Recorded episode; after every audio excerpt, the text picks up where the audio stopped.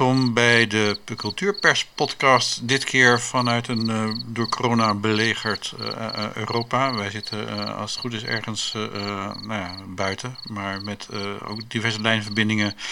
Dus iedereen zit hier in zijn eentje, we gaan elkaar niet be besmetten. Ehm, ik stel even voor aan Helen Westerik. Helen, waar zit je? Hallo, ik zit in Amsterdam.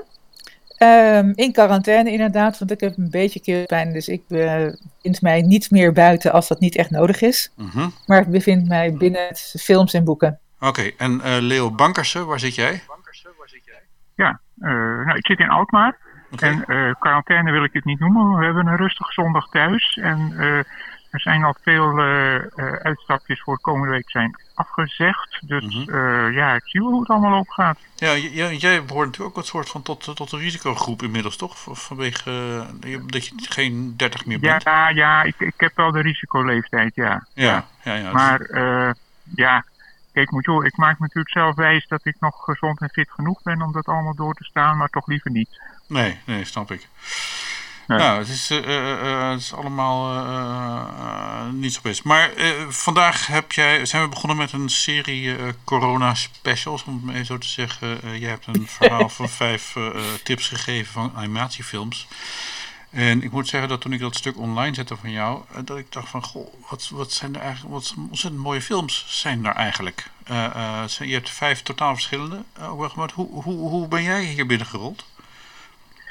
Nou ja, ik, ik, ik, het kwam eigenlijk uh, omdat ik me het afgelopen jaar wat, wat meer in verdiept heb in de mogelijkheden van animatie. En dan met name de animatie voor wat, uh, nou ja, die, die een, tegenhanger is van het Amerikaanse werk. Want dat kennen we natuurlijk wel, de, grote familiefilms. En uh, om binnenkort verschijnt er een artikel van mij daarover in het filmjaarboek. Dat verschijnt in april. En ik ben toen eigenlijk een beetje op het spoor geraakt van uh, de Nederlandse animatiefilms, lange films, die er aan gaan komen. Mm -hmm. En uh, ik heb natuurlijk ook gekeken van, ja, wat is, wordt er internationaal gemaakt? En dat kan toeval zijn. We hebben natuurlijk die film gezien, uh, Buñuel in het labyrint van de turtles, in het labyrint van de schildpadden die, uh, waar ook een aardig Nederlands aandeel in zit qua animatieproductie. Die is inmiddels geloof ik tot beste Europese animatiefilm uh, benoemd. Maar om kort te gaan, wat je dus ziet, dat is dat animatie, dat geeft gewoon iets extra's. Dat is niet alleen maar kinderfilm, maar dat geeft ook iets aan een volwassen speelfilm, kan het iets extra's geven. En dat zie je bijvoorbeeld bij die uh, serie Undone, waarvoor je naar uh, Amazon Prime moet. Dat zal niet iedereen nog. Uh, nee, ik, ik, zei, ik, heb dat, ik heb dat net aangeschaft vanwege Star Trek Picard. Die dan weer niet okay, op Netflix ja, verschijnt, ja. maar dan wel. Die, dat is een ander verhaal. Daar gaan we het ook nog zo eens over hebben. maar goed, ik, ik, ik was zo gelukkig om die uh, Undone-serie, een achtdelige animatieserie, uh, om die op het, uh, dat nieuwe animatiefestival Kaboom te zien. Het is, het is strikt genomen een Amerikaanse productie.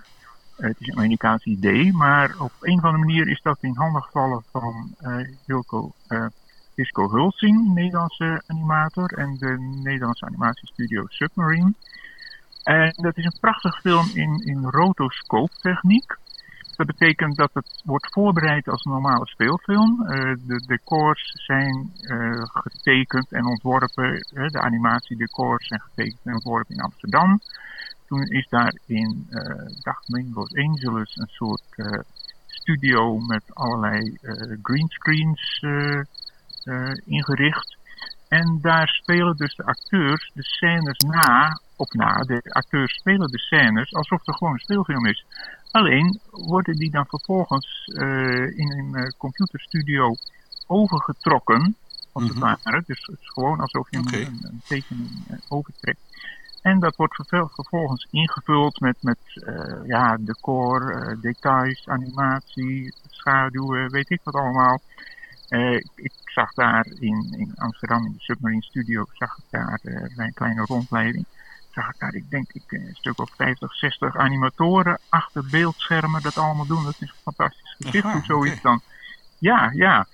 En, uh, maar om kort te gaan, ik heb toen bij een perspresentatie of zo, heb ik ook, ook aan een van de ik weet niet meer aan wie, een producent of de regisseur gezegd, nou, als je dat zo doet, waarom maak je er niet gewoon een speelfilm aan? Dat is Ja. toch veel makkelijker en goedkoper, want zo'n animatie is in feite dubbel werk. En dat kost een, een, een doorsnee animatie, lange animatiefilm, heeft inderdaad een budget dat ongeveer twee keer zo hoger is als een doorsnee speelfilm. Maar, ja, ik wist natuurlijk eigenlijk zelf het antwoord al. Als het een speelfilm was geweest, ja, dan was het weer gewoon een, een, een, een soort doorsnee fantasieverhaal geweest. Maar nu geeft juist het, het kijken naar die tekeningen, naar die, die, het is toch, het zijn gewone acteurs, maar ze zijn getekend. Dus op een of andere manier geeft dat toch een, net een soort afstand tot de werkelijkheid, die precies in dat, dat universum wat, wat zich, het is een soort, soort eh, hoofdpersoon, een jonge vrouw die door, na een ongeluk door de tijd tuimelt en een hele relatie, nieuwe relatie met haar overleden vader vindt. Het geeft je precies die afstand tot de, de, de, zeg de platte werkelijkheid, die gewoon toch iets die precies past bij dat verhaal. En dat zie je eh, soms in meer animatiefilms die aan de ene kant heel dicht tegen een speelfilm aan liggen, maar toch precies dat, dat stapje meer geven wat in een gewone speelfilm heel lastig te realiseren is. Dus animatie geeft wel degelijk iets extra's, plus natuurlijk dat het heel veel ruimte aan, aan fantasie en creativiteit op allerlei andere manieren biedt. Ja. Hoe is dat, hoe, eh, Helen? eh, want jij bent ook een enorme liefhebber van het genre, begreep ik. Ja, Eh, hoe, Klopt. Hoe, hoe, hoe zit jij daar? eh, begrijp jij, ben je het eens met, met, met Leo over, over, deze, over die verhoogde werkelijkheid? Eh, ja, het zijn, er zijn twee dingen eigenlijk die mij aantrekken in eh, animatiefilm. Eén, inderdaad de, de afstand, ehm, die groter is, zodat je op een andere manier verhoudt tot de personages. En dat, dat kan heel erg interessant zijn. Eh, en het andere wat ik heel fijn vind, is dat je zo ontzettend veel vrijheid hebt. Je kunt, in je kunt gewoon alles doen wat je wil. En dat maakt dat animatie zo'n enorm breed genre is.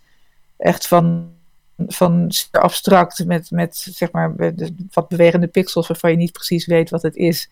En, en hele moeilijke soundscapes. En dat is het soort films die ik dan, weet je, in, in, op, op filmfestivals veelvuldig heb gezien. En waarbij de helft van het publiek wegloopt en ik daar als alles zit grijnzen. Omdat ik het niet begrijp. En ik dat uitdagend vind. Eh, tot inderdaad heel erg gelikte Amerikaanse films. Waar niks mis mee is. Weet je, natuurlijk kennen we het en kennen we het genre en weten we wat we van Pixar mogen verwachten. Maar ik vind echt niets mis met een goed gemaakte publieksfilm. Mhm. Ja, En dat, dat, je, dat je met animatie dat, dat hele gebied daartussen kunt bestrijken, vind, vind ik heel mooi. Er is er ontzettend veel. En ook in Nederland inderdaad hebben we echt goede traditie op het gebied van animatie. ja. Ik, eh, die, ik, ik vond die film over, de, dat is een 30 minuten film geloof ik, Leo, die, de, eh, over Ja, dat autistische jongen. Ja. Die, eh, Ja. Ik Ja. vond de trailer al buitengewoon spannend en mooi en lief. En eh, eh, hoe, wat, hoe is die, zeg maar, als je hem lang ziet, de, de, de, de volledige versie? Want daar, daar, daar is, dat is heel anders getekend Ja. dan die, dan die eh, film Undone. Die, die, is, die is vrij, eh, ja zeg maar, het is, een, een- in, in een heel eigen stijl getekende, maar een vrij normale 2D-animatie. Het is dus gewoon, aan de kant animatie technisch is het niet zo super ingewikkeld. Mhm. Maar het is wel heel vindingrijk. En het, het lijkt, het, het idee doet een beetje denken aan die Pixar-film, waarvan ik even de titel kwijt ben, waarin je ook af en toe in het eh, hoofd van een meisje kruipt. Oh, waarin dan, Mm. ja. Inside Out? Inside Out. Ja, ja, Inside ja, Out? precies. Ja, Ja. ja, ja, ja, ja. ja.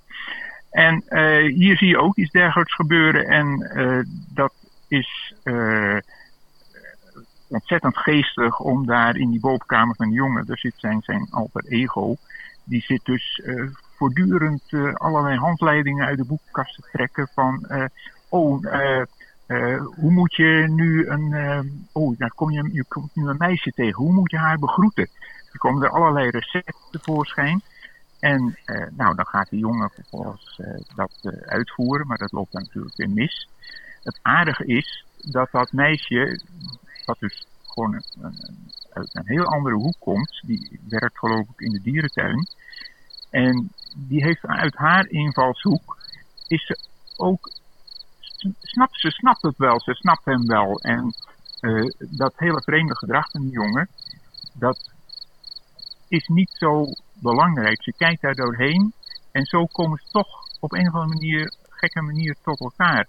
Dus het is een, een, een ehm, het is heel fantasierijk getekend. In een, in een beetje losse, wat een beetje brutale eigen tekenstijl. En, uh, en toch is het allemaal wat er, wat er gebeurt.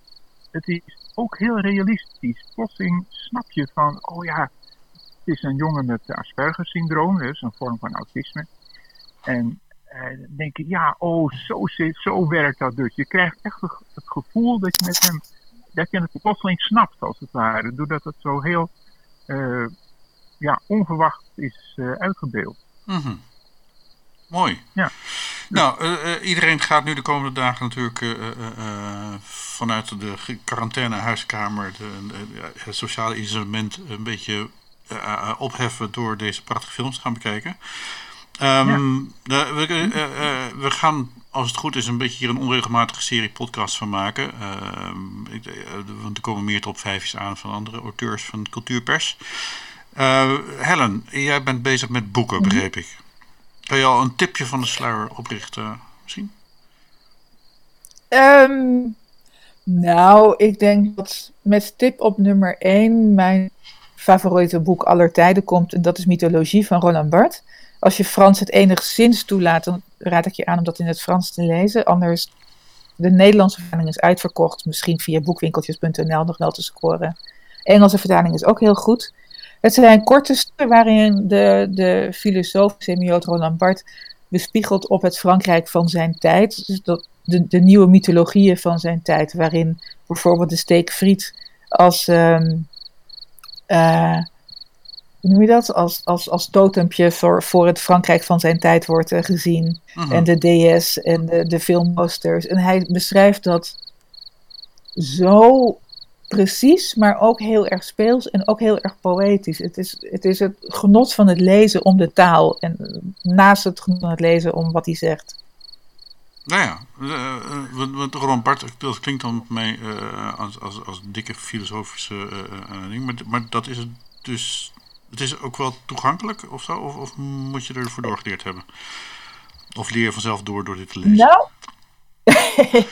ik denk, ik heb altijd gedacht dat het heel erg toegankelijk was. Uh, dus ik heb het aan allerlei mensen aangeraden. En een deel van mensen komt dan terug en zegt: Nou, ik begrijp er echt geen jota van. Superleuk dat je me dit aanraadt, maar kan je volgende keer iets uh, normaals doen? Hmm. Dus ik, moet je zeggen dat ik, dat ik het niet helemaal weet. Ik, ik denk dat het heel erg toegankelijk is. Ehm, maar ik sta, er, ik sta daar niet alleen in, dat weet ik. Maar ik sta er misschien toch iets eenzamer in dan ik had gedacht. Maar gewoon proberen. Ja, of misschien, misschien een, een kenmerkende passage eruit uh, meenemen in het verhaal. Want het is natuurlijk het mooie van dingen over films doen. Dan kunnen we een trailer laten zien. Bij boeken is dat natuurlijk een stuk lastiger. Dan zouden we iets moeten vinden. Of zo. Ik kan het voorlezen door iemand? Um, ik kan het voorlezen, maar wat we ook zouden kunnen doen. Je hebt de Collège de France, waar uh, Roland Barthes ook heeft gedoseerd. Die staan allemaal op, niet op archive.org, maar op nou, zo'n andere website waar ik even niet op kom. Waar je heel erg veel bronnen hebt. En zijn dictie is echt zo mooi heeft een hele mooie sonore stem en hij, hij leest heel erg plechtig nou, voor. Gaan, daar, gaan we dan voor de volgende. Leuk. Ja, gaan we voor de volgende podcast iets van opzoeken. Dan kunnen we het laten horen nou, aan de mensen. Want dat is denk ik dan toch wel uh, uh, bijzonder. Hey, dank jullie wel voor deze korte corona-podcast van Cultuurpers. Um, nou, graag gedaan. Kijk hier op een tune. Um, als je, uh, dit gaat ook voor de mensen die uh, dit uh, beluisteren, ergens op een afgesloten huiskamer, in, een, in een hermetisch gesloten auto, op een cruise ship ergens in de Cariben. um, als je zelf een verhaal hebt over, het moet met cultuur te maken hebben, met kunst, dan kan je contact opnemen en dan krijg je misschien ook een plekje in deze podcast als je een mooi verhaal hebt en ook iets waar, waar, mensen iets aan hebben om deze meest unieke weken die we ingaan, ingegaan zijn met de, de, de, de social lockdown.